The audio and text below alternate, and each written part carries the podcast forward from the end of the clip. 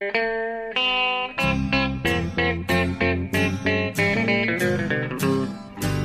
out there, we're on the air. It's hockey night tonight. Tension grows, the whistle blows, and the puck goes down the ice. The goalie jumps and the players bump, and the fans all go insane. Someone roars, Bobby scores at the good old hockey game. Oh, the good old hockey game is the best game you can name.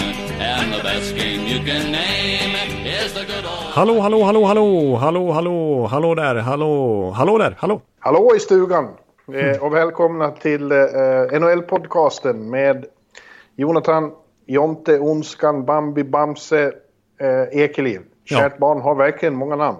Ja. I, I Stockholm. Ör, Örby va? Inte på redaktionen. Nej, nu är jag hemma i Örby, precis. Ja. Och jag då, Per Bjurman i ett eh, Sunny New York. Och vi ska nu spela in NHL-podcastens 290 avsnitt. Ja, det är jämnt och fint måste jag säga. 290, ja det låter bra. Precis, om tio avsnitt till blir det ännu jämnare och finare, men eh, 290 Ja, tills vidare. 300-jubileum, ja det skulle jag ha. Jaha, hur är det med dig då? Du är lite, eh, man fick en, eh, man, jag ryckte till här av oro när du berättade att du är lite krasslig. ja, i dessa tider så är det eh, inte bra att, att komma med sådana uppgifter, då blir man orolig. Men ja, lite grann tyvärr alltså, så känner jag lite så här smått i halsen. Men jag är lite oklart, oklart om det är liksom det man tror att det kan vara eller om det är bara mina lite allergibesvär. För det känns mer, jag är mer täppt i näsan och så här. Det känns som att det kommer därifrån. Så Ja. att, mm. Ja, du får inte bli sjuk Jonte. Du var ju, du var ju här i New York när det var som värst. eh, eh, Och borde, du borde vara eh, immun sedan dess. Ja, exakt. Jag kanske har antikroppar efter min... Det var ju verkligen när det slog till i New York ungefär. Ja, Alltså, innan i- folk här här rik- riktigt hade fattat hur spritt det var. Precis sista veckan innan de stängde ner liksom. Ja, jag tror att jag var smittad. Det var ju många på pressläktaren på Garden som var det. Och, ja, jag hade en period när jag tappade lukt och smak och det var ju tydligen ett... Ja, det är ju ett symptom. Ja, smak finns det väl de som tycker att jag aldrig har, men då pratar vi om något annat. Okej. Ja, det tycker jag nog att var. Så ja, men jag, jag, eh, Baloo blir lite orolig för Mowgli här. Nu får du eh, hoppas att det inte är något allvarligt. Ja, det känns, men jag ska säga att det kändes lite mer i helgen som gick här. Nu känner jag mig på bättringsfasen så att jag tror att jag klarar mig. Ja, det är bra. Det är bra. Eh, annars, ja. Det har väl inte hänt så mycket sen vi eh, talades vid sist. Eh, New York sitter fast i sin fas, fas 1, New York City, av öppnandet. Men eh, i slutet av förra veckan hamnade jag på en bar för första gången sedan början av mars. Det var ju helt eh, orgiastiskt. Ja, det kan jag tänka mig. Exotiskt. Otroligt. Ja, ja, jag var vid en stambar. Jag törs inte säga vilken det är för det, det var ju inte tillåtet. Men, Ja, eh, okej. Mm. De har ju öppnat sig i dörren då man får köpa och så stå utanför och dricka. Men de kommer och säger Per kom in och sätt dig ändå. Sitter i ett hörn här lite diskret. Eh, och där vart jag ju sittande. Ja, det förstår jag. Jag älskar barer. ja, det vet jag. Det har jag egna Ja. erfarenheter av att du uppskattar. Ja, jag tycker ba- baren alltså. Ja, det, är, det är en av de mest upphöjda institutionerna i mänsklighetens eh, hela tillvaro, verksamhet. ja, ja det, är, det är inte dumt. Nej. Sitta där och sippa lite grann. Ja, eh, och i övrigt så har jag eh, mest lyssnat på nya Bob Dylan-albumet som jag fått ett förhandsex av. Och det är ju fem plus med eftertryck kan jag säga. Ja, okej. ja, det är ju trots allt en gammal eh, legendarisk musikjournalist vi sitter och poddar med här. Ja. Ja, jag har inte fått eh, förhands... Eh, på den kan jag säga. Nej, men du har inte frågat heller. Nej, det är sant. Nej, exakt. Det kanske finns lite annat, andra intressen. Ja. Ja, Men, men du, det har hänt ganska mycket i NHL då tycker jag. Eller mycket och mycket att ta i, men eh, sett till hur det har varit senaste veckorna så tycker jag att vi har några trådar att ta upp idag i alla fall. ja lite grann. Vi, eh, det har ju varit lite nyheter idag. Eh, vi spelar in det här, det är tisdag. Eh, Framförallt i Buffalo. Ja, precis. Buffalo har väl den största bomben, om man kan kalla, det för det, briserat. Där de, ja, ganska kort innan vi börjar spela in nu, offentliggjorde att de har sparkat general manager Jason Botterill, den hårt ifrågasatte, som ju i princip alla general managers har varit där det senaste decenniet. Eh, och Botterill lika så får gå. Och han blir ersatt av Kevin Adams, som inte ens har någon GM-bakgrund i NHL. Det är ett ganska okänt namn i de här kretsarna. En Han är dålis. Ja, en riktig dålis. en riktig dålig. Han är visserligen Stanley Cup-mästare som eh, spelare. Han var med i Carolina-laget som vann 2006. Och, ah, hyfsat gedigen NHL-karriär, men lite doldis i NHL-sammanhang också som spelare. Och nu då har han varit, han är ju från Buffalo, så det är en local boy och han har varit assisterande tränare i Sabres för några år sedan. Han har varit development-ansvarig i klubben. Men senast så har han faktiskt varit på business-sidan. Affärsområdet helt enkelt i Buffalo Sabres. Och nu helt plötsligt kliver in som general manager. Det känns ju väldigt oväntat måste jag säga. Ja, och det känns väl som ett ganska... Och de har ju spelat färdigt då i och för sig. Det spelar inte så stor roll. Eh, men... Ja. Jag, jag, jag, jag, känner både och här. Liksom. Jag, är ambivalent inför det här. Ja. Dels så... Nej, det har inte funkat med Botterill heller. Men det, det, är inte... Tålamodet är ju inte stort i Buffalo heller. Nej, det sparkas general managers och tränare på löpande band. Det är inte det ena så är det andra. Säsong efter säsong i princip. Ja. Och de pratar hela tiden när de anställer nytt att nu ska vi börja om på ny kula, nu ska vi visa förtroende, nu ska det här, nu ska det bli kontinuitet i klubben, det vi har saknat. Och så, så funkar det inte och då börjar man om igen. Ja. Ja, jag, jag, sitter faktiskt just nu och ser Mike Harringtons krönika om det här i Buffalo News. Ja. Uh, rubriken lyder Jason Botterill wasn't going anywhere, but Kim Pegulas explanation defies belief. Ja, det är hårda ord. Ja. Vi har ju ganska nyligen pratat om eh, Buffalo-kaoset där när eh, Jack Eichel var ute och svingade media. Hon har ju sagt så här. We have a little bit more information than maybe offend us. some inner workings that we see some positives. Så, ja, ja. Ja, precis. Nej, men för några veckor sedan, det konstiga är att de för några veckor sedan, eh, Pegula-paret där, de som äger, äger mm eh, sa ju att nej, vi har fullt förtroende för Jason Botterill och, och, han ska vara kvar och han är Sabres GM liksom för framtiden. Och så några veckor senare så nej, vi har olika syn, han ska bort. Det, men det är ju det är som, vi, som jag skulle komma in på, att vi pratade lite om Buffalo för några veckor sedan efter Jack Eichels hårda ord om klubben och att han var trött på att förlora och förlora mentalitet, liksom förlora kulturen där. Eh, mm. Eh, eh, var han trött på, vi måste ta oss ur det liksom. Ja, den har satt sig djupt, men alltså, ja. Ja, jag tycker ändå Botterill har lyckats ge dem nu ett ganska bra lag. Även om vissa spelare inte har levt upp till förväntningarna. Då. Eh, du var ju inne på Skinner förra veckan. Och... Ja. Men det är ju det är ändå ett, ett, på pappret ett väldigt bra lag tycker jag. Ja, de har ju verkligen eh, pusselbitar alltså som känns oerhört spännande. Både nu och på sikt alltså med en franchiseback Rasmus Dahlin med Jack Eichel. Verkligen en franchise-center och enligt vissa Hart-mässig liksom. Ja. Eh, och så Viktor Olofsson och, och så vidare. Liksom ganska mycket spännande runt omkring där också. Men eh, ja, visst har Botterill gjort några snedsteg med Jeff Skinner-kontraktet. 9 miljoner dollar per säsong och mer eller mindre nästan healthy scratch här på slutet av säsongen innan det avbröts. Eh, mm. Det är ju inget bra, ingen bra investering verkligen för dem. Och sen ja, all liksom dåliga trade han har gjort med till exempel Ryan O'Reilly-traden var ju inte bra. Utbytet de fick. Eh, det blev ju en liten fars tyckte fansen med Marco Scandella-grejen här att de tradade honom till Montreal för ett fjärde val. En månad senare skickar Montreal honom till St. Louis för ett andra runda val. Ja. det är liksom bara, bara det blev liksom som lite symboliskt för liksom Buffalo inte få ut det de ska av det de har. Nej. Eh, och så här målvaktssituationen nu när Robin Lehner har slagit igenom ordentligt och jag menar han var ju Buffalos ägo flera år och hade ganska bra statistik men ändå så håller man, ska man på att hatta med målvakter. Mm. Så det, visst, det finns ju grejer som, som han inte gjort bra och liksom, han, när han var i, han var ju väldigt creddig i Pittsburgh Botterill där han var tidigare liksom. Han var ansvarig för AHL-laget Wilkes Bar som ju försedde Pittsburgh med jättemycket talang och som gick till, trots det, gick till slutspel typ 18 år i rad. Mm. Eh, han var ju, var ju verkligen kontinuitet och stabilitet där som, som han stod för då, eh, Botterill. Och han, var med och byggde deras, liksom hjälpte till hur de skulle hantera lönetaket när de hade så stora kontrakt på Malkin och Crosby, hur de ska liksom förse dem med talanger runt om. Och, och fick, han kallades för en cap-guru liksom.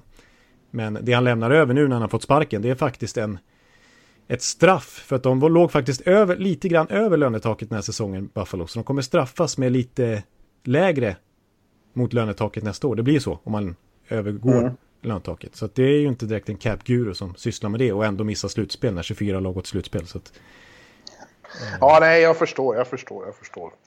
Eh, så inledande, men nu verkar det som man kan inte lita på vad som sägs där. Men den här Adams då säger ju att eh, Kruger ska vara kvar i alla fall. Ja, vad jag har förstått så har Kruger en bra relation till Adams. De två verkar funka ihop och, och Adams funkar bra med Pegulas, alltså ägarna. Så att det, det är någon mm. slags, man verkar ju inte ens ha intervjuat andra kandidater utan nej, det är Adams, han funkar så bra ihop med med mannen i båset där, Kruger, och med högst upp i kontoret eh, Pegula. Så att därför så var det naturligt att man skulle ta honom.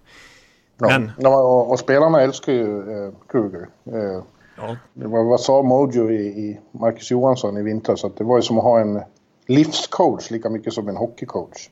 Ja, precis. Och, och hur mycket Eichel än svingade här, här veckan så, så stöttar han ju verkligen Kruger. Mm. Ja, jag tror att han... Det är också en sån som jag tycker borde få lite längre tid på sig. Ja, jag håller med om det. Det vore konstigt att sparka honom direkt nu också. Eh, men mm. som sagt, det kommer lite mer uppgifter om Pegula, så jag pekade ju på dem när vi pratade Buffalo senast. Att det är ju, det är ju ofta, alltså det är otroligt viktigt att ha bra ägare liksom. Man ser ju mycket på bottenklubbar. Ja. Eh, att de inte har en stabil ägarsituation. Ottawa till exempel med Melnix. Ja. Eh, men, men Pegula... Ja, du vet ju, du vet ju eh, Ja, hur, hur, viktigt det var i Tampa innan ja, de fick en riktig ägare. Från fullständigt kaos till eh, ja, jättestabilt med en ägare som verkligen är hur trygg som helst. Ja. Eh, så det gjorde ju allt liksom. Men eh, Pegulas, nu har det kommit lite mer uppgifter om så här, eh, deras liksom, de äger ju även Buffalo Bills, NFL-laget och de, deras företag Pegula Sports and Entertainment med deras anställda inom det bolaget har både för detta anställda och nuvarande anställda anonymt har vittnat om en toxic culture. Det är direkt obekvämt att jobba inom den organisationen. Mm. Så att det låter ja, inte så bra. Nej.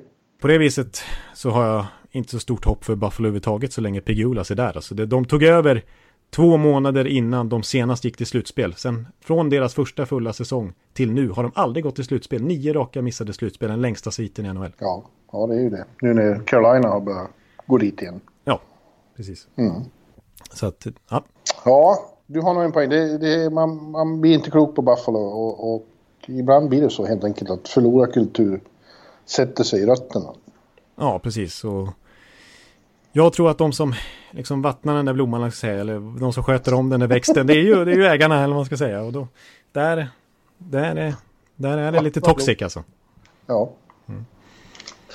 Ja, en annan klubb som plötsligt fick problem idag, men inte av den sorten riktigt, det är New York Islanders. För att eh, eh det har eh, ägaren till NASA Coliseum, eh, Mikael Prokhorov, ja, just det. Eh, och hans Onexim Sports Entertainment, de eh, slår igen NASA Coliseum.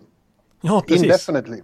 Ja. Lights out eller vad det står. Ja, de, det har varit för dålig affär och Såvida ingen vill ta över en massa lån och det verkar det inte som att någon är särskilt intresserad av på 100 miljoner dollar. I dessa tider eh, dessutom. Nej, så, så blir det ingen verksamhet mer alls i Nassau Coliseum. Och, och, det gäller ju både sport och konserter och, och, och, det är ju frapperande med tanke på att den precis har färdigställts efter renover grundlig renovering och så. Ja, precis. Mm. Men det blir ju väldiga problem för Islanders. För de, de hade ju bestämt sig för att eh, spela hela säsongen 2021 i Nassau. Har sagt upp kontraktet eh, i Brooklyn med, med eh, Barclays. Och mm. kan flytta in i sin nya hall först säsongen 21-22. Alltså den som byggs i Belmont Park. Ja, det, det tas ju spadtag där och grävmaskiner och håller på och byggs. Men det är som du säger, det är långt kvar tills den står färdig. Ja, så att Islanders är plötsligt hemlösa. Ja det troligaste man säger här då är att ja, det blir väl att krypa till korset och komma tillbaka till Brooklyn en säsong till då. Det låter ju som att det inte blir världens lättaste att ställa sig in hos dem som de har klagat över att det var en dålig hyresvärd och så. Ja, verkligen otroligt eh, infekterad relation mellan de två parterna alltså. Ja, för att jag vet inte vad det finns annars för alternativ. Du sa här, ja, då får vi in på Garden. Men alltså... för, för Islanders att spela hemmamatcher på Garden, det måste ju vara som jag vet inte vad man ska jämföra med. Nej, nu ska man, ska man komma på för liknelse liksom. Det går inte. Nej. United ska flytta in på Etihad Stadium eller något sånt där i, i Manchester. Jag vet inte. Nej, det... Donald Trump måste bo ihop med Hillary Clinton. Ja, lite så kan man säga kanske. Ja. Det går inte. Ja. Nej. Så det var ju en eh, oväntad eh, utveckling där. Ja, det får vi följa vad som faktiskt händer. När vi spelar in nu som sagt så, så vet vi, har vi ingen aning och det vet inte Islanders heller. Det är ju en Nej. jättekonstig situation. Alltså. Ja, det är ju... Eh, och, och, ännu mer så än det skulle vara för många andra lag. För att eh, som vi har lärt oss de här sista åren extra mycket är ju att den där arenan betyder oerhört mycket för Islanders. Det är deras rötter, det är där de bor, det är där de har sin eh, själ. Och den har ju liksom varit, den har ju hjälpt dem att spela där. Det trycket som blir där inne, det är fansen bor ju runt omkring den arenan liksom. Ja. Ja, du har ju varit där på en av de mest, när det har varit som mest tryck någonsin. Ja, det är den mäktigaste trycket jag har upplevt i idrott alla kategorier när Tavares hemkomst. Alltså, det var ju visserligen ja. inte så glada tillrop direkt, men det var en decibelnivå som jag nästan eh, har tinnitus av än idag, eller på att säga.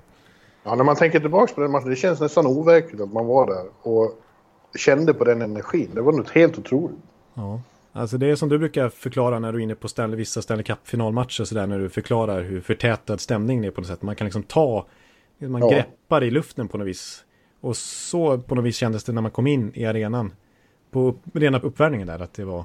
Ja. Trots att man inte hade känslor själv investerade i, i vad som hände så liksom greps man tag på något vis. Omfamnades ja. av det som hände där. Mm. Eh, så det, får vi, det finns inga svar på vad som händer där. Det, det får vi följa utvecklingen. Ja, alltså, ja, personligen så har jag inget emot, eh, även om Barclays inte skitar gärna för hockey, så har det varit behagligt att åka till Brooklyn på hockey. Ja, jag förstår det. Bara att ta tunnelbanan så är det där. Ja, ja. Det är nästan varit enklare att ta sig dit än till Garden. Ja, så pass till och med. Ja. Eh, vad gäller eh, NHL här då, eh, vad som händer i sommar. Eh, mm. Så är vi väl inne i en liten ny fas nu. Men det är inte, vi vet fortfarande inte eh, vilka som blir hub cities. Nej, det är mycket som ska färdigställas och sådär och, och, faktum är att eh, spelarna har ju ännu inte röstat igenom om det ska bli spel överhuvudtaget. Det de röstade igenom förut var ju hur formatet ja. ska bli. Nu ska de ju överhuvudtaget rösta igenom om det blir spel överhuvudtaget. För det är mycket spelarna är intresserade av och vill veta och vara med och påverka för att överhuvudtaget ställa upp alltså kring säkerhetsregler och ja. familjesituation, hur man, vad man får ta med sig, hur den här bubblan kommer se ut. Och... Familjesituationen verkar ju vara det som är, är mest angeläget för dem. Ja, precis. Det kan ändå röra sig om rätt många månader. Alltså om säsongen börjar i början av augusti som de hoppas nu så kommer den vara slut i oktober. Ja. Ja. Så att eh, det blir en, ja, det är en ganska lång period. Och sen så är det ju det här med hur mycket kommer det egentligen att kosta och hur mycket kommer de att tjäna? Vi har pratat mycket om alltså enorma tv-intäkter de trots allt får. Eh, det är det de vill åt och eh, tjäna ikapp lite av de här pengarna som, som de förlorar när säsongen pausades. Men eh, det är också enorma upp, liksom, utgifter innebär att samla alla de här 24 lagen och med alla hotellkostnader, men framförallt med alla tester som måste göras, allt rigoröst säkerhetsarbete och sådär. Eh, så att eh, spelarna undrar lite grann om, om, jag menar de får ingen lön i slutspelet. Så att det påverkar inte. Däremot så hoppas de att NHL ska tjäna tillräckligt mycket pengar nu på det här. Så att det inte blir så hög escrow-procent nästa säsong. Så att de inte behöver ge upp så mycket lön nästa år som det blir annars. Vi har ju pratat mycket om escrow det är lite avancerat och jag ska inte gå in mer på det nu. Men det är en viktig detalj för spelarna i det här att överhuvudtaget rösta igenom det här också. De vill veta att NHL kommer tjäna tillräckligt mycket pengar på det. Ja, och det är bara att titta på baseball för att se hur snabbt det kan gå sideways alltihopa. Eh, där är det ju på väg mot att, att eh, säsongen inte blir av. och det är bråk om pengar då. Mm. Igår så trendade Gary Bettman på Twitter och man säger va? Nu? Ja. och det handlade mer om att eh, alla var så vansinniga på eh, Major League Baseball-kommissionären. Ja. Eh, och, skrev, det måste, och så alla twittrade om att det måste vara underbart för NHL-fansen att veta att det finns ännu sämre kommissionärer. ja, just det. Ja. Eh, och sen var ju faktiskt då... ISBN hade igår kväll, måndagskvällen, mm. en special med kommissionärer och eh, ledare i alla ligor pratar om vad som ska hända. Och mm. Bettman var intervjuad där. Mm. Med, eh, och man får inte se honom så ofta i ESPN. Mm. Han sa några saker som att eh, ja, de kommer och spelarna kommer att testas eh, flera gånger om dagen. Eh, ja, det är mycket. Och. Anyone who tests positive will be isolated and contacts will be traced. Isolated cases need not derail the plan. Nej han sa också såklart, eftersom han är den han är, att uh, this will be a full competition that will bring out the best in teams and players. And the Stanley Cup champion will be deserving. Ja, ja, precis. Jo, så, så, sånt måste han ju slå fast. Ja. Och de överhuvudtaget ska kunna fortsätta med det här. Men ja. Nej, vi ska nog inte slå fast helt alltså att det blir någon säsong. Jo, fan det måste Det måste säg, bli. Ja. Säg inte jag, inte, jag ska inte vara negativ nu. Nej, men det, då, visst, de har kommit väldigt långt ändå trots allt. Och de har ju dessutom spikat ett datum. Det är preliminärt, men det, det är spikat lite grann ändå att fas 3 Målet i alla fall att det, de har satt ett datum, 10 juli, då ska träningslägren börja. Och de är obligatoriska. Nej, men det är väl tidigast 10 juli, är det inte sagt så? Ja, ja, kanske tidigast tidigare 10 juli, men, men de hoppas på 10 juli. Ja, men då börjar det bli dags för svenskarna att börja packa väskan nu. Precis, och det, spelarna vill gärna ha ett datum då för att, speciellt européerna, för att kunna veta, liksom förhålla sig schemamässigt när det är dags att sticka. Och nu hoppas man på 10 juli då, helt enkelt. Så man har ju ändå gått ut med ett datum för att vara lite mer tydliga. Ja, ja eh, vi får helt enkelt eh, avvakta ytterligare och se vad, vad de kommer fram till. Ja, precis. Det får vi anledning att återkomma till. Jag vill eh, säga en sak eh, till förresten. Jag tänkte göra en övergång när vi pratar om Islanders till ett annat, ja, inte New York-lag, men New Jersey. Det är ju en rival i närheten där. Ja, just det. Just det. För där är det in, inte klart, eh, visserligen med en ny tränare, men det har kommit lite nya uppgifter som jag tycker är värda att nämna här i podden. Att eh, de är nere på fyra kandidater enligt eh, Darren Drager och Pierre LeBrun på TSN eh, som de är ute efter. Och det har seglat fram en huvudkandidat Huvudspåret är Peter Laviolette. Ja. Ja, det tycker jag låter som ett, eh, ett väldigt begåvat eh, val. Ja, precis. Det är svårt att ändå kritisera hans coaching resume, liksom. Eh. Ja, dessutom är det så att vart han än kommer så börjar det alltid bra. Ja. Han är ännu mer så än Vigneault. Att de första åren så får han verkligen med sig lagen. Ja. Och det går, går alltid bra för dem. Ja, det är bara att ta exemplen. Alltså, det är ju Carolina vinner Stanley Cup ganska snabbt efter han kommer. Philadelphia ja. Flyers går till final. Ja. Eh, och så Nashville Predators, ett topplag direkt och går till final. Ja. Eh, och det, ska man, det glömmer man bort lite grann. Hans första jobb i NHL i början av 2000-talet när han var ung. Han var, jag tror han var ligans yngsta coach. Eh, nu är han snarare en av de äldsta om han kommer in igen. Men då, då kom han till Islanders och då hade de missat slutspel sju år i rad. Och när han kom in då tog han dem till slutspel två år i rad. Ja. Så att det... Han kan nog få fart på Devil som jag tror ändå är ett kanske lite mer attraktivt jobb än man tänker så här spontant. Ja, ja, de befinner sig ändå någonstans där just en sån tränare skulle vara perfekt och få... Eh, det finns ju väldigt många bra beståndsdelar där ändå. Även ja. om allting gick åt skogen i år på ett rent spektakulärt sätt. Ja, verkligen. Vi som trodde lite på dem. Jag hade ganska höga förhoppningar på, på Devils. Men det, på sikt i alla fall så har de ju jag menar, det är en one-two-punch där med Nico Hischer och, och Jack Hughes. Två första, liksom first overall picks. Ja. Eh, utöver alla andra spännande unga spelare de har. Så att... Ja, Bratten inte minst. Ja, Bratten är, är väl trevlig att ha att göra med. Ja, han är väldigt bra. Han hade, gjorde en jättebra säsong i år. Ja, precis. Och kom verkligen, eh, ja, verkligen bra i slutet av säsongen också. Eh, ja. Det, och det har jag hört också att en av de fyra som fortfarande är kvar i gamet, det är ju den nuvarande interim-coachen Alan Nesredin. Som mm. ju var lite dålig då när han tog över. Men faktum är att ja, från det datumet och framåt så var Devils ändå ett mittenlag typ rent poängmässigt om man skulle räkna säsongen från det datumet. Under 2020 så tog de, innan säsongen stoppade, så tog de mer poäng än Washington. De tog mer poäng än Toronto till exempel. Slog i Rangers i den matchen vi såg, den sista matchen man såg. Precis, väldigt eh, liksom bratt, eller vad man ska säga, bratt höll jag på att säga, i benen. Bra bratt i benen. Ja, ja. Eh, så att eh, många spelare i laget har uttryckt att de gärna vill att Nasruddin blir kvar. Ja. Och vi kan säga det också att de har ju intervjuat Rickard Grönborg men att Zürich har satt stopp då, att han inte har någon möjlighet att bryta för NHL. Okej. Okay. Annars så, så har ju alltså kommit fram att de har intervjuat Grönborg, så det tycker jag är lite coolt. Ja, jag skulle ju gärna få över honom hit. Det tycker jag hade varit enastående. Ja, jag skulle nästan... Jag ska inte garantera förstås, men det känns väldigt troligt att han får ett NHL-jobb nästa år. Vi får se hur nästa säsong går i Schweiz, men hans första år här som klubblagstränare i Schweiz gick ju väldigt bra. De vann ju grundserien Zürich. Så, ja. Och hans stora internationella meriter med dubbla VM-guld för Tre Kronor eh, sjunger högt också. Så att, eh, jag tror att han kommer bli en NHL-coach eh, nästa säsong. Eller näst, nästa säsong. Mm. Ja. Ja, vad gäller slutspelet då så får vi vänta eh, och under tiden kan man njuta av det, eh, det fiktiva. Eh, ja, just det. Fiktiva finalen som pågår i min NHL-blogg då. Det, det, senaste ni hörde av så står det en 2-2. Toronto vann båda sina hemmamatcher. Ja. Med Ekeliv i, i, ja, han är superstar i, i Kanada. Ja, Game, Game 5 har ju, vet ju du och jag har avgjorts, men den presenteras nu på onsdag morgon. Ja, precis. Eh. Vi kan, vi kan, eh, avsnittet här hinner släppas lite grann innan den matchen ute, så vi kan inte riktigt kommentera den ändå. Nej, nej. men eh, det är du som är gästreferent. Ja. Eh, och det, du har ju fantasi, kan man lugnt säga. Ja, det kan man säga. Men så, jag, ja, så vi, vi har koll på hur det går, helt enkelt, i den matchen. Ja. Men det får man det gå, jävligt... gå, in, gå in till bloggen och läsa.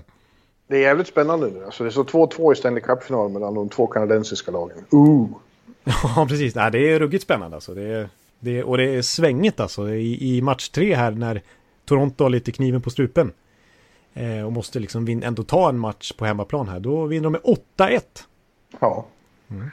Ja, precis som eh, Boston eh, i, mot Vancouver 2011. Det, det förde exakt eh, den mallen. Ja, just det, Varenda precis. mål på samma tids... Eh, samma klockslag som i den matchen. Ja, just det. För det kan man ju spåra lite grann när man ser referaten här. Att det är ju reella matcher som är lite grann kopierade liksom.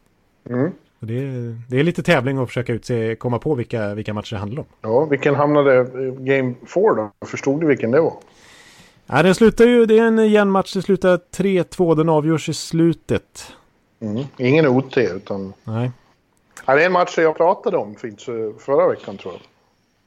Okej. Okay, um... Ehm. Hmm. Game one mellan Anaheim och, och Ottawa. Jaha, okej. Okay. Nej, det hade jag inte kommit på. Ja, det var ju där det fula Mike Fisher-målet, eller vad? Ja, ja det började ju med ett sånt Adam Larsson-mål. Ja, just det. Det är sant. När man läser det. Det borde jag ha satt. Ja, ja. Och eh, samtidigt så rullar vi vidare med topp 50-serien. Vi börjar komma närmare oss topp 20 nu. Ja, precis. Nu börjar det bli riktigt hett och nu som sagt får du börja vara beredd på att mejlen kommer. Ja, uh, Anders Hedberg och... Uh, Thomas Sten. Ja, Anders Hedberg och Thomas Sten var senast här på 21-22. Och uh, mm. intressant med Hedberg när jag pratar med Lillpröjsan om, om hur, vilka pionjärer de var. Man pratar ju ofta om att Börje var den stora pionjären för han öppnade dörren åt alla i NHL och det, det är ju sant. Ja. Men rent hockeymässigt så var de minst lika viktiga där uppe i VHA när de kom dit. Eh, Pröjsarn, ja. Hedberg och Lars-Erik Sjöberg. För det var, de menar då i alla fall själva att de introducerade europeisk hockey där. Då. Ja. Och gjorde sånt intryck så Glenn Sader som spelade i Edmonton i VHA då. Eh, ja. vart väldigt imponerad och, formade sitt framtida Edmonton Oilers som coach utifrån vad han hade sett Pröjsarn och Hedberg göra. Och det gick ju rätt bra. Det är ju en av de största dynastierna i hockeyhistorien. Så att om den modellerades efter vad Hedberg och Sjöberg pysslade med i Winnipeg så är ju inte det ett ja. dåligt betyg. Hedberg, Pröjsan och Sjöberg. Ja, Pröjsan. Jag glömmer nästan, nästan alltid bort Pröjsan. Jag måste, jag måste be om ursäkt där faktiskt. Jag vet inte varför. Det bara, det bara blir Sjöberg och jag vet inte. Jag tror de flesta kommer ihåg Pröjsans liksom mycket väl. Men jag, jag vet inte varför jag håller på så. Ja, men nu är det topp 20. Eh, nu blir det spännande som sagt att se reaktioner och så. Men det blir det nu på onsdag morgon. Sen ska även, eh, den ska ta semester en vecka. Ja, just det. Jag förstår. Jag vill säga också att du hade Mika Zibanejad på plats 23. Ja, det var ju du invände du mot. Nej, det, nej det, det, gör jag inte faktiskt. Eller gjorde jag det? Nej, för i så fall vill jag invända mot mig själv i så fall. Varför jag invänder mot det. För att jag tycker det är helt rätt. Att han är högt upp. För att den här säsongen han stod för i år. Mm. Eh, den är riktigt bra och bara den tycker jag räcker för att placera dem högt upp på, på svensk lista genom tiderna. Så eh, han hade kunnat nå upp i 50 mål den här säsongen ja. om den hade eh, fullföljts. Hans poängsnitt var ju fantastiskt bra, en av de bästa svenska säsongerna genom tiderna poängsnittmässigt i en tid när det är inte helt lätt att producera så mycket poäng. Så att, Nej, och han missade en hel månad. Fan, att, det är det tycker jag som svider mest eh, med att tänka på att grundserien varit inställd. Ja. Att, att, ja, att uh, Micka blev blåst på, på, på det. Ja, på, den, på de fina noteringarna han hade jättemöjlighet att nå upp i. Mm. Ja. ja. Så att, ja. han är redan nu högt upp bland svenska genom tiderna faktiskt. Ja. På plats 23 enligt dig då, i alla fall. Och det tycker jag är rimligt. Mm. Härligt, härligt. Du, eh, jaha, har vi mer då? Ja, snart ska vi komma in på, på min eh, lilla segment här när vi ska prata Seattle faktiskt. Men eh, ska vi ta upp det? Ja, just det. Jag vet inte om du vill säga någonting om dina röster. Du får inte avslöja vad du har kanske röstat på. Eller får Ja, just det. Ja, jag, jag ska inte lägga ut alla röster. Eh, Det spelar väl inte lika stor roll nu när det inte blir någon gala och så. Eh, Men eh, ja, i måndags då så var det ju deadline och jag, jag var sen ute. De, de hörde av sig, så Chris Johnson hörde av sig. Per, du har aldrig missat en deadline. Vad håller du på med? Nej, precis. Nu, måste du, nu måste du rösta. Ja, ja så att jag eh, har röstat i, i de kategorier vi får rösta. Som är Hart, Norris, Calder, Selke, eh, Lady Bing eh, och eh, All-Star-lag Ja, och Masterton. Om måste ta ja. Eh, och den där jävla Lady Bing. Alltså jag, jag, jag, jag förstår inte varför vi ska rösta. Jag tycker, jag, säger igen, domarna borde rösta den eh, kategorin. Ja, De det- vet vilka som är mest sportsliga och bra på isen och så. Precis, vi kommer tjata om det i den här podden tills det blir verklighet alltså. Ja, låt Eh. domarna rösta. Ja, det, det blir bisarrt att, att lämna över det ansvaret på, på journalister på pressläktaren liksom. Men det kanske blir något så här att den som vinner det sen eh, hamnar i onåd hos, hos övriga spelare. Det blir så här som eh, Ja, fängelsekunder det. som är populära hos brittarna. Ja, just det, att, eh, precis. Man tycker att, eh, ja, precis, att spelarna, de spelarna smörar för domarna och sånt där. Ja, precis. Ja, just det. Ja, ja, men jag, jo, eh, det, var, ju- ja, det var intressant ändå. Eh, Jag tycker det var ganska intressant eh, konkurrens i vissa kategorier ändå. Ja. Eh, Calder till exempel, jag tycker det fanns många bra alternativ. För mig är det givet att Cale McCarr ska eh, ha nummer ett. Men eh, det, det, finns ju, eh, det fanns ju fler. Quinn Hughes, eh, Adam Fox, Viktor, Kubalik. Ja, Kubalik har gjort flest mål. Ja, 30 kassar. Mm.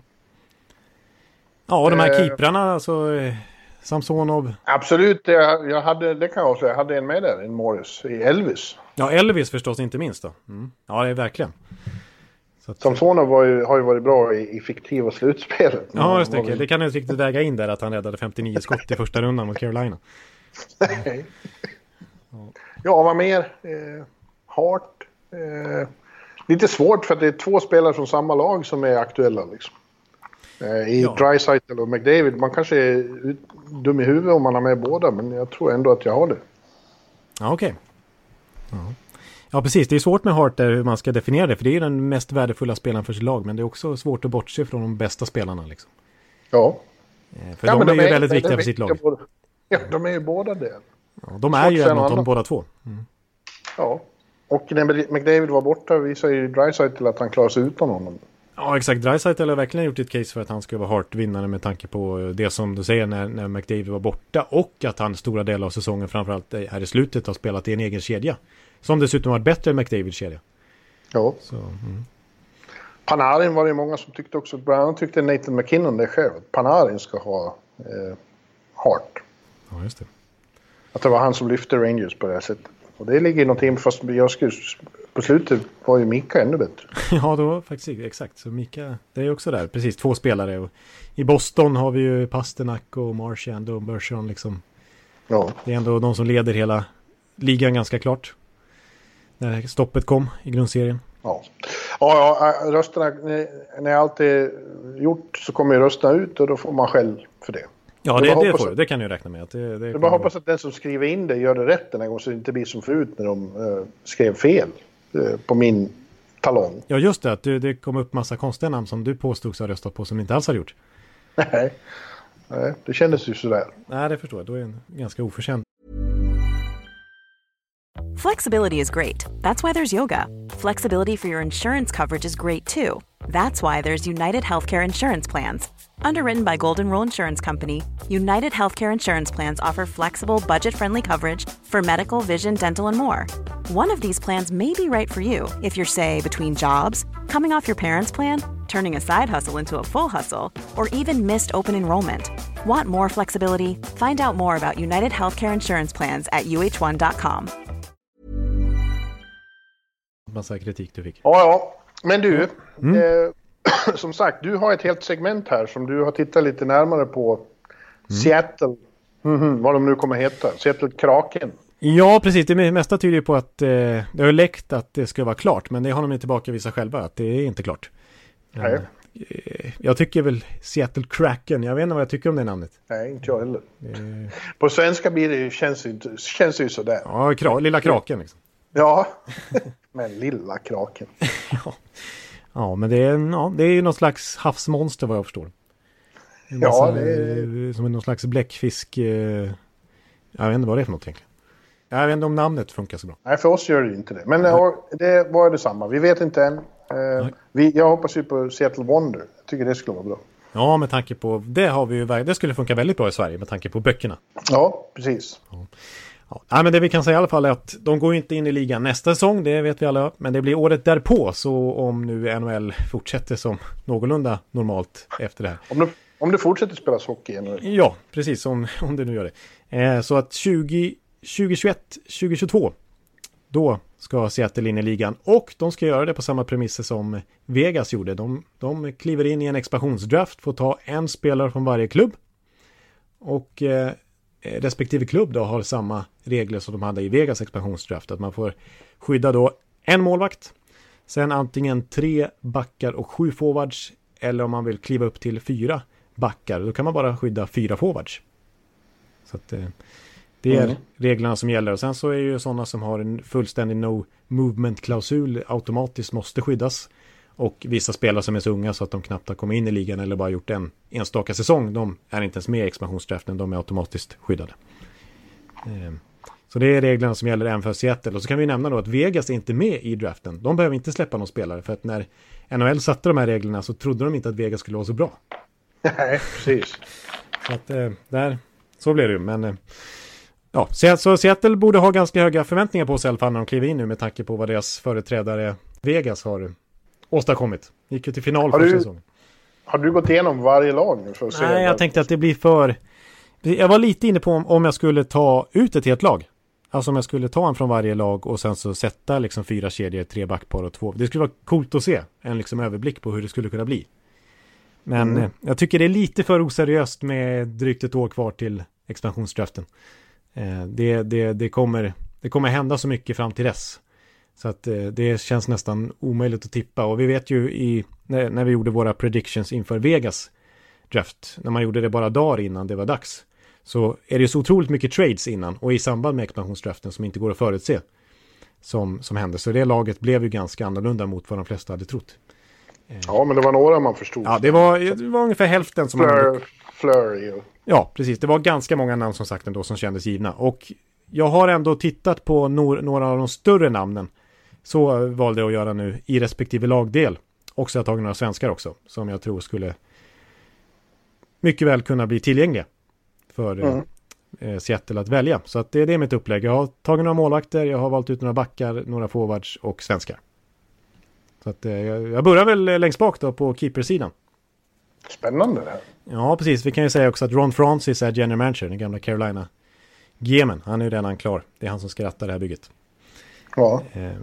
Ja. Men på målvaktssidan så, man får alltså bara skydda en målvakt i respektive lag. Så att det är många, måla, många lag här som har två bra målvakter kan ju, måste ju exponera en av dem. Mm. Eh, så att jag har... Svettigt för Rangers. Ja, precis. Det som är, jag tror kanske att Sjestjorkin blir eh, automatiskt skyddad för att han inte har varit i ligan tillräckligt länge. Det kan vara så. Ja. Men blir, blir även eh, eh, Bulgaren då skyddad? Kan de skydda Ja, då, honom? då kan de skydda Bulgaren för, ja just det, det är ju Henke som har sin klausul då. Eh, Ja, men å andra sidan så går Henkes kontrakt ut 2021, så att han kanske inte behöver skyddas då. Ja, jag har Kanske inte... inte är kvar i Rangers då. Det är ingen som vet. Precis, exakt. Så att jag har faktiskt inte tagit eh, just dem som är aktuella, utan jag har tagit till exempel eh, Arizonas målvakter, Antti Ranta och Darcy Kemper. Jag tror att de skyddar Kemper, i så fall skulle ju Ranta vara tillgänglig. Ja. Eh, jag har tagit eh, någon av Colorado-målvakterna. Eh, Philip Grubauer och Pavel Frankush. Eller Franchush, hur man nu ska uttala. Franchush tror jag det är. Tjecken, som ju faktiskt inte konkurrerat ut Grubauer, utan Grubauer är fortfarande första val. Men han har varit skadad så mycket den här säsongen så att Franchus har ju fått stå lika många matcher. De stod ju 35 båda två. Och eh, Franchus har ju bättre stats faktiskt än vad Grubauer har. Så någon av dem skulle vara ett bra alternativ. Vem som nu blir tillgänglig. Jag har eh, skrivit upp eh, Jonathan Quick faktiskt för LA Kings. Ja. Jag tänker att eh, de kanske ser en chans att bli av med, med hans kontrakt. Han är en ikon i klubben men han börjar bli till åren och eh, han har en hög lön och lever inte riktigt upp till den längre. Men det skulle kunna vara ett affischnamn för Seattle att plocka. Eh, de skickade ju Jack Campbell till Toronto, deras eh, dåvarande backup. Mm. Eh, för att de tror mycket på Cal Peterson som kommer upp nu istället. Och det, då tror jag kanske snarare att man vill skydda Cal Peterson och, och eh, släppa Quick om nu Seattle vill ha honom. Eh, jag har skrivit upp även då ett målvaktspar som vi snackar mycket om nu för några veckor sedan eftersom att Pittsburgh är mycket väl medvetna om den här situationen. Tristan Jerry och Matt Murray. Precis, de satt jag just precis och tänkte på. Ja, så att mycket, det, det mesta tyder ju på vilket Rutherford har sagt här att de troligen kommer trada någon av dem kanske redan inför nästa säsong för att annars kommer de tappa någon gratis till till eh, Seattle för att mm. de, någon av dem skulle ju säkert bli plockad. Och det, det vi pratade om då var ju vem, vem ska de i så fall trada? Jerry eller Murray? Men, men, Toronto då? Andersen, de skyddar väl Andersen och då blir ju uh, Campbell eventuellt tillgänglig. Ja, precis. Där är, precis. Men Andersen har faktiskt utgående kontrakt där sommaren 2021, nästa sommar helt enkelt. Så att frågan är om de förlänger med honom in, inför dess eh, eller om de låter han gå och skyddar Campbell. Det, det är sådana... Dallas, Dallas är spännande också. Ja, med eh, Sjudobin. Ja, det är ett av eh, de bästa målvaktsparen i ligan, tycker jag. Ja, absolut, och, och Halak bakom Tucka, men Halak är lite till åren. Eh, ja. Sen har vi ett väldigt intressant scenario. Det är ju vad som kommer bli Seattles ärkerival, Vancouver. Som har ja, just det. Jakob Markström och stortalangen Thatcher Demko. Och eh, om man ska då välja att förlänga med Markström som har utgående kontrakt och ge han 6 miljoner dollar drygt som han väntas kosta. Och då tvingas exponera Demko gratis i en expansionsdraft till värsta rivalen. Ja. Eh, för Demko, visst, det, det är inget snack om att Markström är en bättre målvakt än just nu och det märktes tydligt i slutet av säsongen att när Markström var skadad att Demko inte håller samma nivå. Men Markström i motsvarande ålder var ju också lite sådär inte slagit igenom än. Och Demko kommer förr eller senare. Det tar ofta några år för målvakter att etablera sig och Demko har verkligen potentialen för att bli en kanske en stormålvakt i NHL. Så att eh, det, är ett, det är ett svårt val för Vancouver, verkligen. Nashville då, det går väl... Hur är det med Pekkas kontrakt? Ja, han börjar bli gammal och jag undrar om, jag tror han har kontrakt. Eh, han skrev ju två års förlängning här ganska nyligen.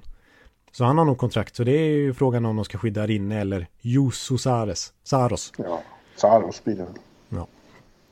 Men ni hör i alla fall, det är precis som Vegas som kunde plocka Fleury till exempel. Att, eh, alltså, det är inget snack om att Seattle kommer kunna välja minst en bra målvakt. Nej, precis. Det, vem det nu ja. än blir, om det blir Matt Murray eller om det blir Philip Grubauer eller om det blir Thatcher Demko eller vad som helst. Det, det kommer, kommer bli något bra. Ja. Det, det kan man säga. Pittsburgh får skicka till mästermålvakt. Ja, det är precis. Det är det. Jag har läst många fans där tycker det är jobbigt alltså. Alltid måste de behöva släppa någon keeper liksom. ja, ja, vi får se. Ja, ja men vi tar ja, men, eh, backarna. Mm. Eh, kanske inte riktigt lika stora namn här, men det är frågan då. Det som är den stora grejen här är vissa lag som ändå har en bra backsida. Om de ska skydda fyra backar då och sen bara fyra forwards. Eller om de ska välja att bara ta tre backar och exponera någon som de egentligen vill behålla. Eh, det är vissa lag som, som hamnar knivigt i en sån situation. Till exempel Nashville. Eh, jag menar, de vill ju absolut behålla Roman Josie, de vill behålla eh, Ryan Ellis, de vill behålla Mattias Ekholm och de vill behålla sin stora talang Dante Fabro som har slagit igenom lite grann i alla fall den här säsongen. Han har tagit över efter Piki Subban i topp 4. Men de har samtidigt ganska många bra forwards de vill skydda. Ja. Så eh, det blir ju, de kommer, precis som förra gången när de fick släppa James Neal, så kommer de behöva släppa en antingen en forward eller en back beroende på vad de väljer att göra. Eh, som de jättegärna vill ha kvar. Så att jag är lite orolig här för Mattias Ekholm faktiskt. Om de väljer att gå 3-7, alltså tre backar, sju forwards. Och att de då väljer att skydda den betydligt yngre Dante Fabro istället för Ekholm. Ja. Så att eh, Ekholm kan vara ett namn för Seattle. Intressant. Mm, mm.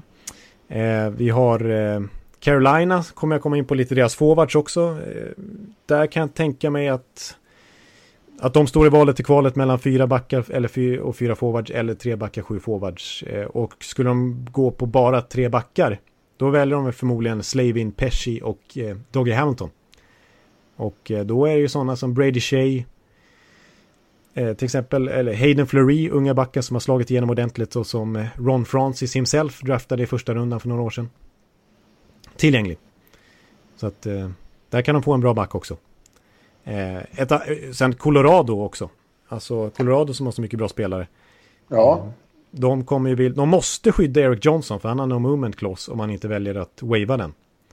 Man kan ju, spelarna kan ju välja att häva då och bli ändå exponeras i expansionsdraften.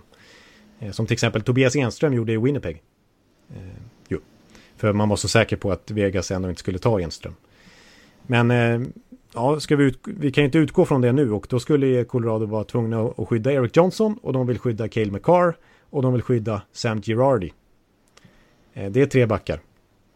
Mm. Och sen har de ju en genombrottsman den här säsongen, Ryan Graves, som spelar i första backpar ihop med eh, Cale McCarr och som man kan säga vad man vill om plus minus-ligan NHL, men han ledde den när stoppet kom på plus 40.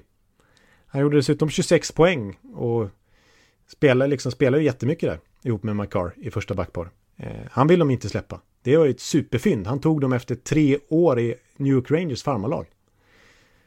Eh, så bara helt plötsligt har han gått och blivit en väldigt stabil NHL-back. Så att eh, ja, jag tror till och med att de skulle kunna göra så att de, om de bara väljer att skydda tre backar att de till och med väljer att skydda Ryan Graves och lämnar Girardi öppen. Girard? Ja, Girard. Jag säger Girardi. Oj, nu, det, det, det, jag blandar ihop. Det, kan, nej, det kan de inte. Han är ju en superback. Ja, precis. Det skulle, vara, ett, det skulle vara ett underbart fynd för eh, ja. Seattle. Nej, Första backpar med, med Girard, Samuel Girard och Mattias Ekholm. Ja, precis. Ja, men det, och, ursäkta alltså verkligen att jag råkar säga Girard som Girardi. För det är, ja. det är en helt annan back. Ja, eh, verkligen. Det blir inte så bra om de tar in Dan det, precis, precis, första backpar, Dan Girardi. Det blir inte bra. Däremot Sam Girardi första backpar. Ja, nej men så att det, eh, det, kan ju bli så att Colorado väljer att... Eh, vi, då kan jag bara komma in lite på forwards när vi ändå snackar det. Eh, jag ska ta fler backar sen, men... Om de väljer att skydda fyra backar, Colorado, och bara kan skydda fyra forwards, då blir det ju McKinnon, Landeskog och Rantanen naturligtvis, och sen får de bara skydda en till, och då... Då blir det ju någon av Nathan Kadri, eh, Andrei Burakovsky, JT Comfer, Jonas Donskoj som lämnas utanför. Ja. Eh, så det är, jag menar, Andrei Burakovsky till exempel har jag skrivit upp som en forward som mycket väl kan hamna i Seattle. Oj, oj, som har varit så bra. Mm, mm. Eh, några fler Cal back... Ja. Calgary, de har ju mycket bra backar. Ja, där har jag faktiskt inte skrivit upp så mycket för att där är det så många som har kontrakt som går ut ganska snart. Erik Gustafsson, eh, eh Travis Hammonick, eh, TJ Brody, sådär. Så att jag vet inte riktigt hur deras situation ser ut nästa sommar. Nej, nej. Eh, men ska jag ta det största namnet? Jag har två riktigt stora namn här alltså. Ja. Eh, det, jag tar det största namnet först. Nu, kom, nu får du hålla i kaffemuggen. Var beredda nu här i... Liksom, ja, ja, ja. ja. Mm, hemma i soffan också. Eller är ni kanske ute och går eller vad ni gör.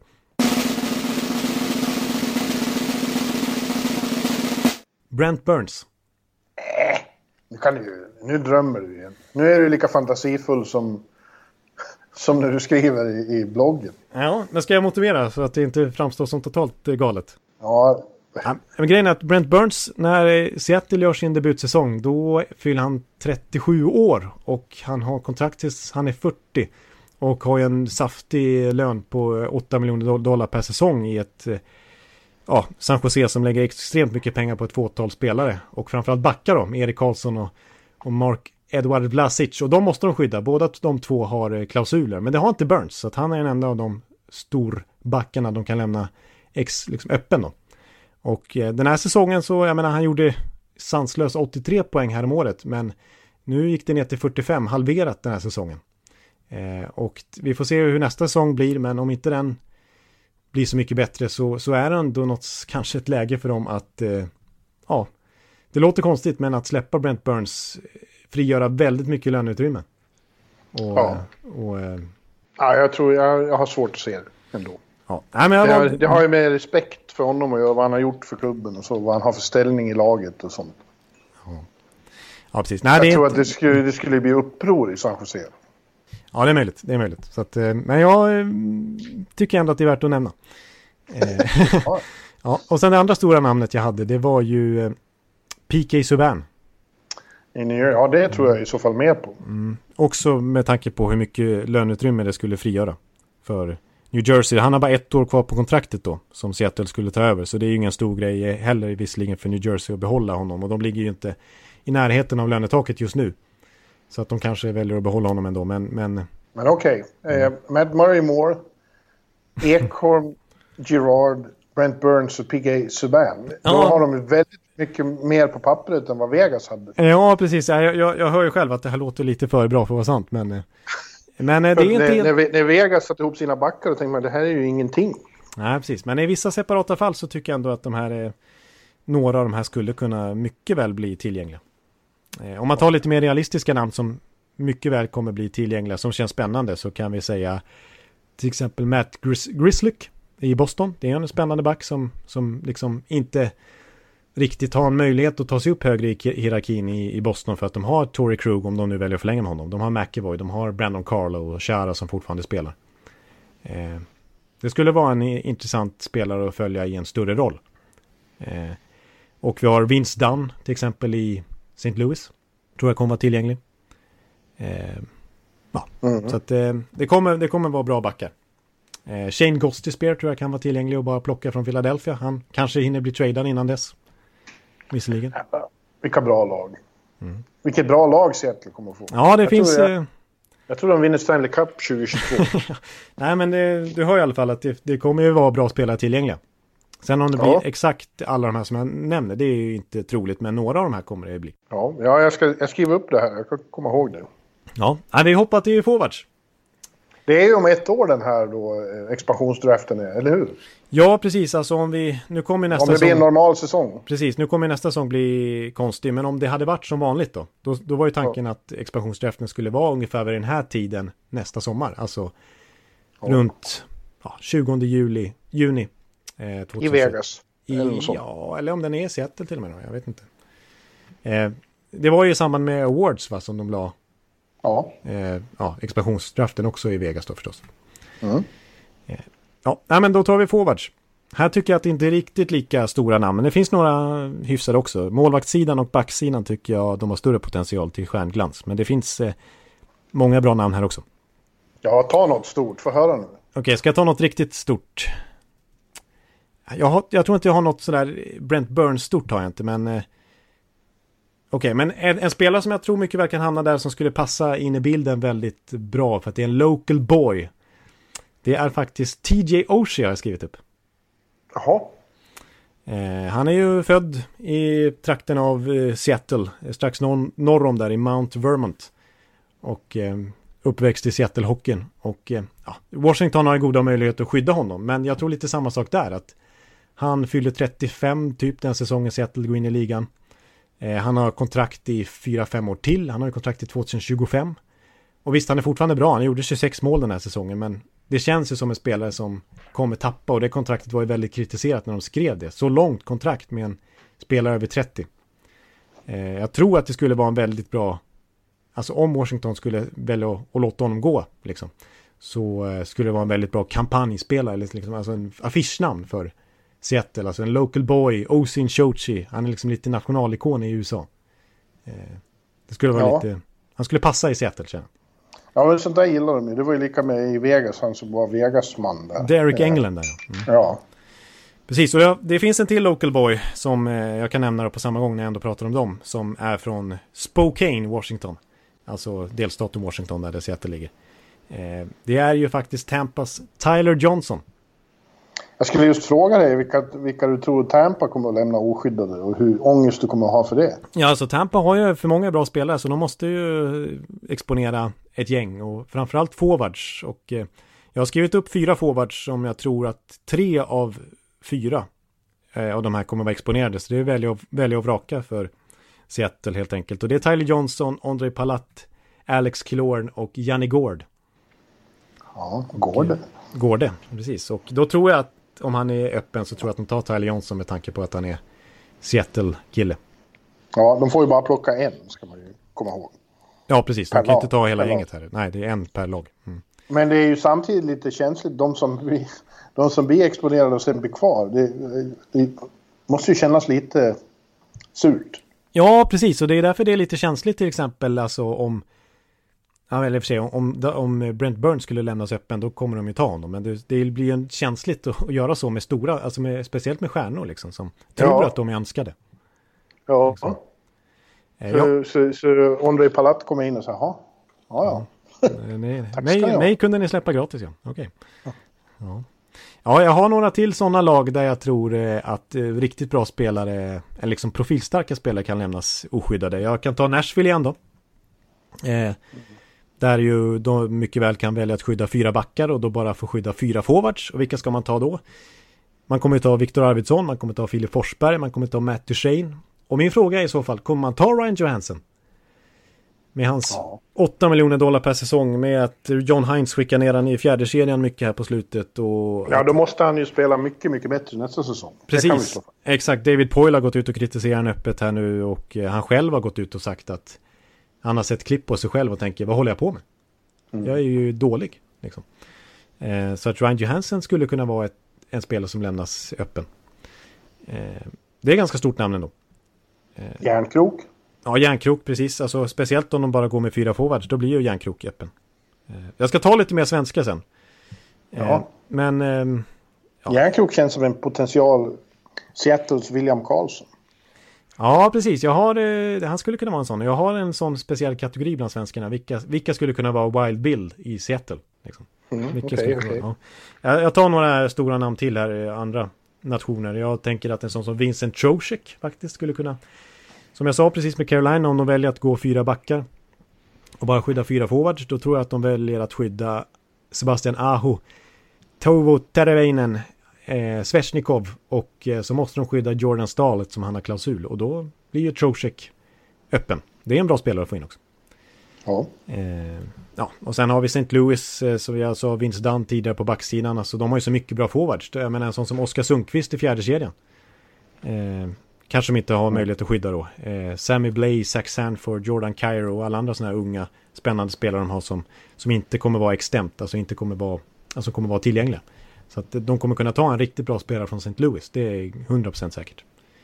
Ja. Eh, och ett annat lag som jag tror kommer tappa en bra spelare, det är sista jag kan nämna här i, innan jag går in på svenskar.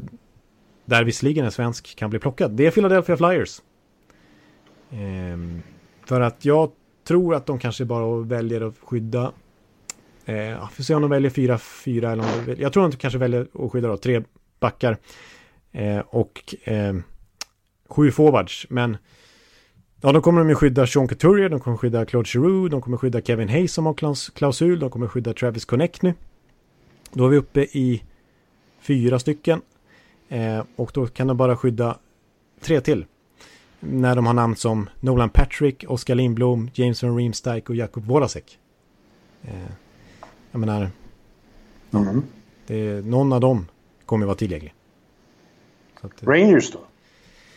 Ja, precis. Det... Ja, exakt. Jag, jag tog inte med Rangers här heller. Mycket. Nej, alltså, det är inte så mycket spännande. De kommer att skydda det de har. Ja, det var lite så jag kände. Plus att det är lite oklart med kontrakt och sådär. Eh, vilka som faktiskt ja. blir kvar och vilka som lämnar. Så där tyckte jag var lite svårt att förutse. Ja. Eh, ja. Nej, men ska jag ta svenskarna då? Ja, min vän. Gör det. Ja, precis. Eh, för, den första jag skrev upp Den första jag skrev upp var ju Burakovsky då av eh, tidigare nämnt skäl. Mm. Eh, sen har jag skrivit att eh, Joel Eriksson Ek, som jag tycker har gjort en väldigt bra säsong i Minnesota, mycket väl kan bli öppen. Eh, inte för att Wild vill det, men jag är garanterat eh, säker på, som läget är just nu, att de vill skydda fyra backar. De vill skydda Spurgeon och Suter som har klausuler och de vill skydda Damba och Jonas Brodin. Och då ja. kan de bara skydda fyra forwards och då tror jag inte att det räcker till för det finns inte plats för Eriksson Ek.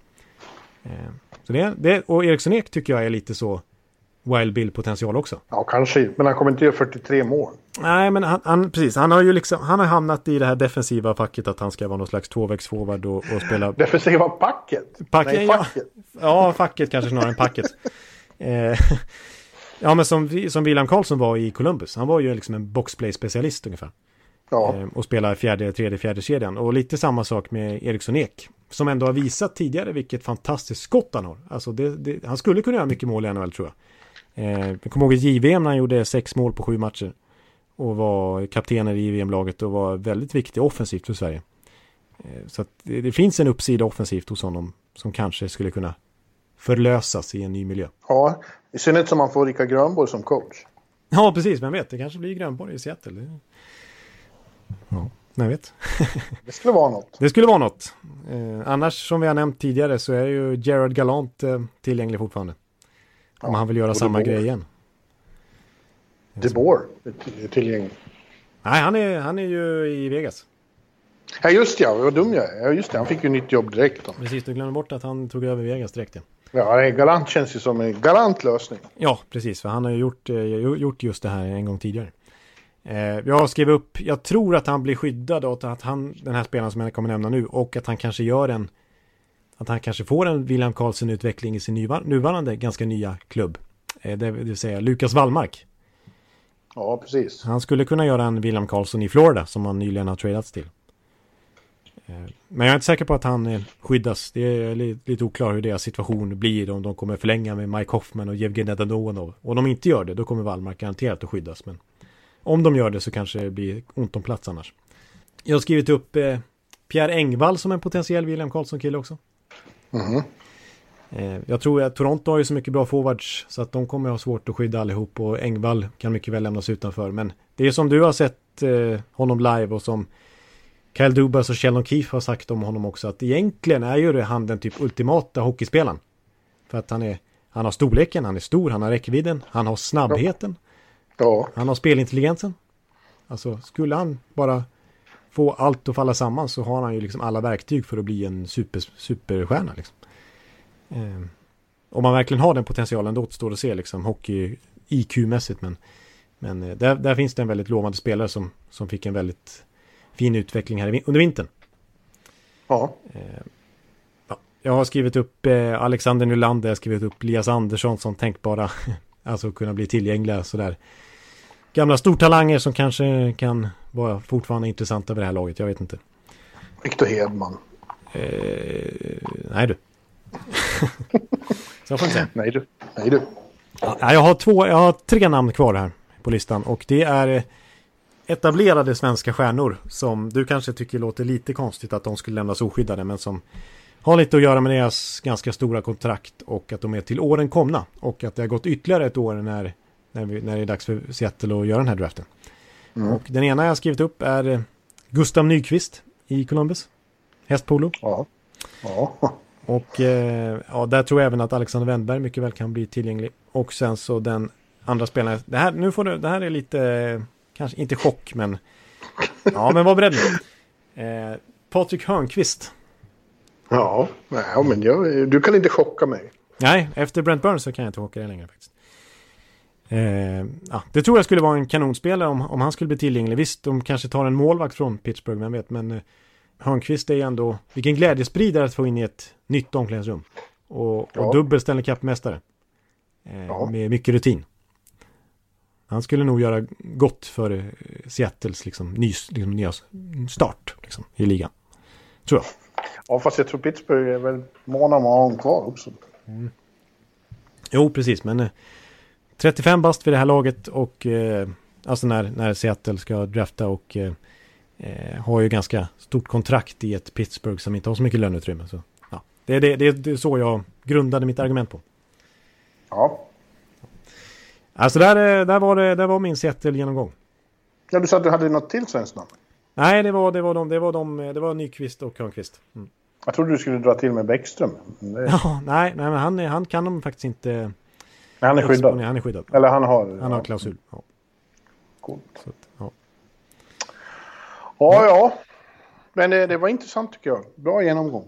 Ja, men det var ju bra. Det, det, som sagt, eh, det kommer hända mycket tills dess och de kan göra trader och ha sig i Seattle och sånt där. Men, men eh, några av de här namnen som jag nämnt kan vi konstatera att de kommer vara tillgängliga. Ja. Mm. Och det låter som att de får ihop ett ganska bra lag, precis som Vegas fick. Ja, får de ihop eh, de här du har nämnt så då blir det ett väldigt starkt. Ja, då är de plötsligt en contender direkt. Liksom. På pappret i alla fall, ja. Mm. Ja, men hörde du, då är vi klara för den här veckan. Då, så mycket. Och, mm Vi har bestämt oss för att nästa vecka så tar vi en liten paus. Vi har midsommaruppehåll här så vi får vara lite lediga och vänta in att det händer lite mer saker vi kan prata om. Det börjar bli lite tunt med ämnen.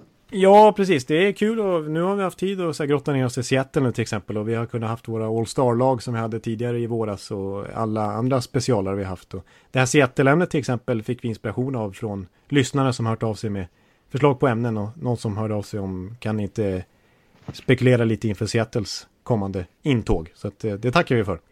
Men, Gör vi. men nu, nu känner vi att vi har kört på oavbrutet sedan början av september. Ja. Eh, och eh, vi har för sig inga problem att, att snacka NHL. Men eh, det kan behövas en liten eh, midsommarbreak här och hämta lite ny energi och köra igång igen sen när det börjar eventuellt att närma sig återstart i, i juli.